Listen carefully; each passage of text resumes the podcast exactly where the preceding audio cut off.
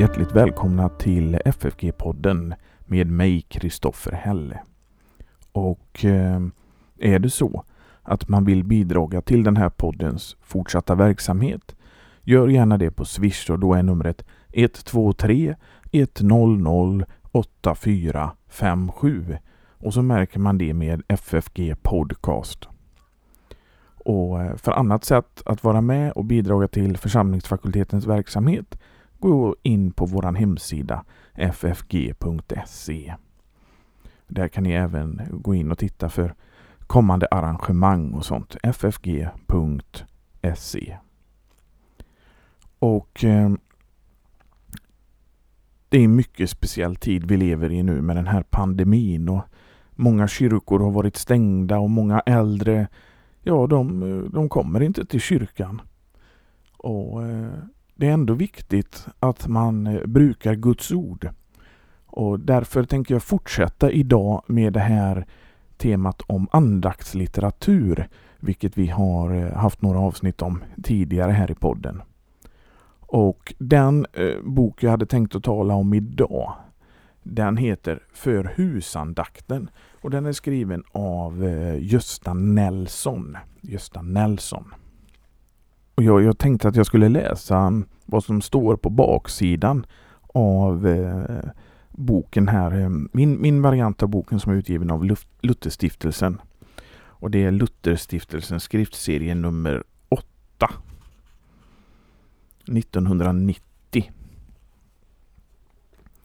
Gösta Nelson, kommunister i Öxnevalla och Horred 1916 till 24 därefter kyrkoherde och kontraktsprost i Boknäs och Draxmark, hovpredikant och hedersdoktor. Han slutade där sina dagar 1958. Nere i Mark var han något av en väckelsepredikant med Henrik Florus Ringius och J.N. Rexius som läromästare. Han torde kunna säga att eh, tiden i Mark och hans pastorala erfarenhet där även framledes kom att prägla honom i förkunnelse, konfirmationsundervisning och skriftetal. Det senare finns utgivna och är en guldgruva. Det som, upplevde, det som han upplevde i Mark återkommer i den bok som gjorde honom känd över hela Sverige, den västsvenska kristendomstypen.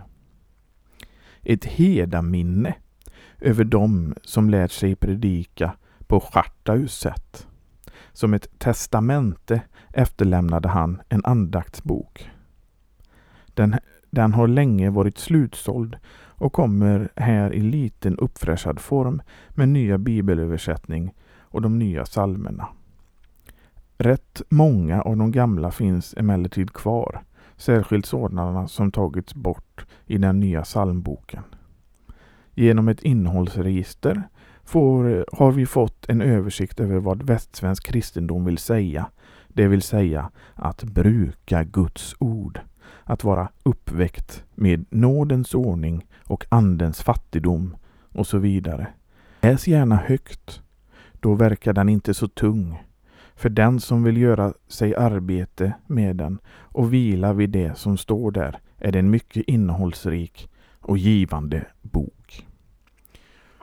Och just denna uppmaning att läsa högt, ja det tänkte jag göra i eh, denna veckans avsnitt för er lyssnare på FFG-podden. Och eh, ja, för er som känner till Gösta Nelson så vet ni att han var en flitig författare. Och han har förutom det här i två band, den västsvenska kristendomstypen, så har han eh, bland annat skrivit Hur predikan byggs upp som är en mycket nyttig bok för den som vill lära sig att predika. Han har också skrivit Själavårdens elementa och eh, han har skrivit en bok, en prästmötesomhandling som heter eh, Antinomidraget i nådens ordning. Mm. Och eh, jag tänkte nu att jag skulle börja och läsa i dagens datum. Alltså den, den här podden släpps 11 september 2020. Och eh, då läser jag för 11 september. I all deras nöd var ingen verklig nöd. Jesaja 63, 9. Med vilken glädje skulle inte en plågad människa läsa detta ord? Om det bara gällde mig så skulle jag vara nöjd, tänkte hon. Nu är det visserligen sant att det inte gäller vem som helst, men å andra sidan är det inte alls så att det bara skulle vara förbehållet vissa särskilda människor. Det kunde gälla alla om de bara ville låta hjälpa sig till tro på frälsaren Kristus. I dessa ord ligger inget förringande av nöden. Som, som vore den inget att tala om. Motsatsen är fallet. Herren har uttryckligen sikte på den mångfaldiga nöd i vilket det kan vara. Det utvisar ordet i all deras nöd. Han vet och tänker på att den kan vara mycket svår. Guds ord utmärks över, överhuvudtaget av att det aldrig på något sätt förringar nöden. Fast den i välmening gör andra ofta det på ett sätt som bara gör det värre. De säger Det är väl inget att fästa sig vid. Det går snart över. Det tjänar ingenting till att jämra sig så mycket. Det är sådant som man får ta med, ta med jämnmod. Ja, det är lätt att säga för den som själv är frisk och fredad. Men det är ingen tröst för den som plågas och har det svårt. På det sättet talar aldrig Guds ord. Tvärtom visar psalmerna i Saltaren att man visst får klaga sin nöd för Herren och att han ser det med välbehag. Ty han har ju själv lärt människan att säga som det står. Men samtidigt visar Guds ord på en, ännu en sak. Herren gör dem uppmärksamma på att i all deras nöd är ändå ingen verklig nöd. Han liksom säger du är i nöd, det vet jag. Jag vet också att det känns mycket svårt och eh, är mycket svårt så länge det varar. Men då är det viktigt att du inte glömmer det ordet av mig. Att i all denna nöd är det ingen verklig nöd. Den verkliga nöden, det är den genom vilken man kommer bort från Gud. Sådan är inte denna nöd. Den för dig istället till Herren och tjänar till ditt bästa. Det skulle du vara glad för. Det tar visserligen inte bort nöden, men det ger dig tröst i nöden. Så att du inte har minsta anledning att ge upp hoppet och klaga. Grunden till detta är Frälsaren, som för vår skull har gett sig i nöden och tagit på sig den. Därför gäller det om all, därför gäller det om alla dem som tror på honom att i all deras nöd är det ingen verklig nöd. Ty hur det än är och blir så har de honom och då blir det alltid väl. Han är för dem Jesus Kristus igår, idag och i evighet. Han är detta i all deras nöd. Vad vill de mer då begära?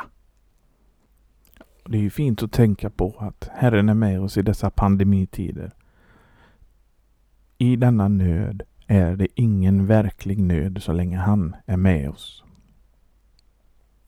Da, eh, dag här i eh, förhusandakten som jag tänkte läsa är 4 juni. 4 juni. Jesus sade Är någon törstig så kom till mig och drick. Den som tror på mig, ur hans inre skall flyta strömmande av strömmar av levande vatten som skriften säger. Johannes 7, 37-38 Genom ordet någon visar Jesus att de flesta inte alls törstar i den mening som här avses. Å andra sidan inskärper han genom det oinskränkta någon att vem som helst som gör det får komma till honom och dricka. Ja, den som törstar. Han uppmanas ivrigt att göra det. Och det anges också mycket tydligt på vilket sätt han skall göra det. Att tro på Jesus är att dricka av det vatten han har att ge. Och hur mycket denna tro betyder visar Jesus genom att växla om från bilden av vattnet och överföra den på den människan som tror. Genom tron förbindes hon så med honom, som är det levande vattnet för alla törstande, att det sägs att av hennes innersta ska flyta fram strömmar av levande vatten. Att dessa strömmar ständigt flyter ut från honom så hade det inte legat något märkligt. Men nu vänder han detta in på den troende människan och säger att det ska flyta fram från hennes innersta. Dessa strömmar är sålunda ett föremål för tro. Detta är inte något som man känner utan något som man tror. Törsten känner man. Denna består i den djupa känslan av allt som man behöver och söker hos Jesus.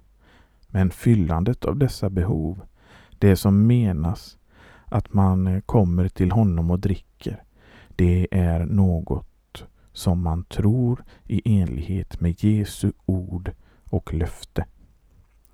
Här har vi sålunda en mycket trösterik beskrivning på tron. Och, all, och allra mest uppmuntrande är det att det sägs att det är genom tron som man har detta. Du skall sålunda inte speja i ditt hjärta efter dessa strömmar av levande vatten som Jesus säger flyter fram där. Du upptäcker dem inte, hur mycket du än letar. Men de finns där, lika fullt för det. De är oskiljaktigt knutna till hans ord. När du tror hans ord, sådana som det står i skriften och så som det predikas för dig av Herrens tjänare, så flyter dessa strömmar fram i ditt hjärta. Det gör det mycket säkrare än om du kände och såg detta. Ty dina känslor är något mycket opolitligt som ibland finns, ibland saknas. Men Guds ord är i varje ögonblick lika fast och visst. Det är så som Guds ord säger, även om du inget förnimmer av det i dina känslor. Detta är det så, därför är det så stort att detta löfte helt är knutet till tro. Andra kan se det, alldeles som man ser hur vattnet flyter fram ur ett rör. Men röret själv ser det inte. När du rätt tror på din frälsare så är du ett sådant rör ur vilket strömmar av levande vatten flyter fram. Nästa är 25 juli och då utgår Gösta Nelson från Kolosserbrevet 4.3. Be då också för oss att Gud öppnar en dörr för ordet. Be då också för oss att Gud öppnar en dörr för ordet. Med en öppen dörr för ordet menas att Gud, Guds ord, får ingång i människors hjärtan. Dit hör att de yttre omständigheterna blir sådana att Guds ord får tillfälle att nå människor. Men det innefattar också själva den verkan på hjärtat genom vilken Guds ord gör intryck på dem.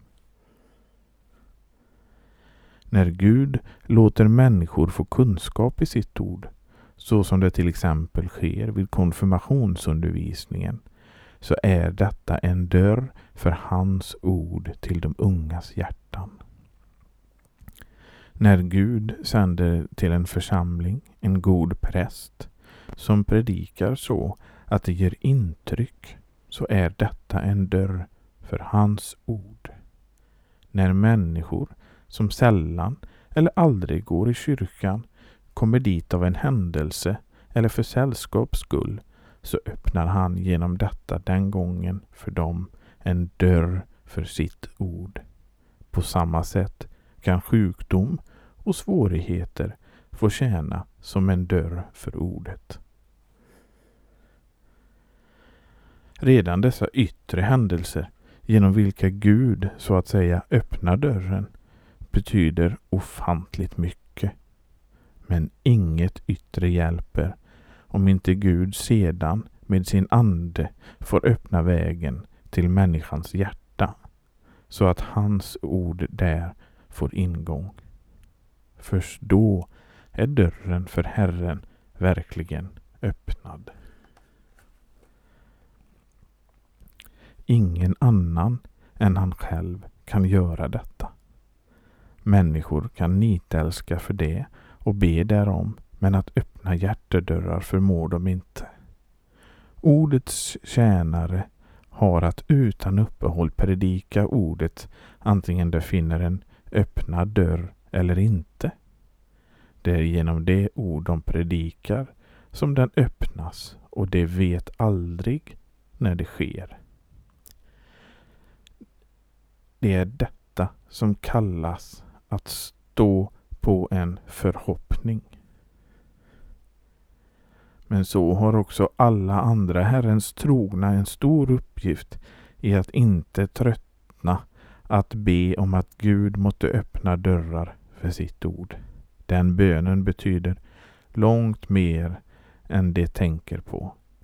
De har själva i det fördolda vinning av detta. De utövar på detta sätt sitt allmänna prästadöme. De tjänar med eh, det sin nästa. Kan de inget annat göra kan de be för henne. Och när de efter apostelns anvisning ber om öppna dörrar för ordet så innefattas i denna bönen inte bara de som på ena eller andra sättet står dem nära och ligger dem om hjärtat utan det sträcker sig även till eh, nästan i en mera avlägsen mening. Denna allmänliga kärlek har här en stor och viktig uppgift som de med glädje skulle begagna då det så får bli Guds medarbetare som aposteln säger i första Korintierbrevet 3, 9. Ja, nästa tänkte jag att vi tar den 27 oktober. Och då eh, är det ett bibelstycke hämtat från Bergspredikan, Matteus 7.12. Och det är den gyllene regeln. Allt vad ni vill att människorna ska göra för er, det ska ni också göra för dem. Och då säger Gösta Nelson att här är den regel som Jesus ger sina lärjungar för deras samlevnad.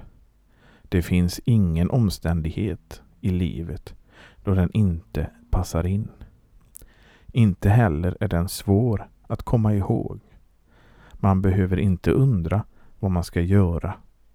Det är bara att tänka efter hur jag ville att man skulle göra mot mig om jag vore i den andres kläder. Just det skall jag göra mot honom. Jag skall inte vänta på att, att han skall vara först, utan det är jag som ska vara först. Det är så enkelt att ett barn kan begripa det. Jag vill att människor ska vara snälla mot mig då skall också jag vara det mot dem. Jag vill att de ska ta hänsyn till hur jag har det och vad jag förmår. Då skall jag tänka på det också för deras del. Jag vill inte att de skall begagna sig av min okunnighet eller mitt bristande förstånd. Då skall inte heller jag försöka något sådant när det gäller dem. Och så kunde man fortsätta och räkna upp snart sagt allting som finns i sammanlevnaden mellan människor.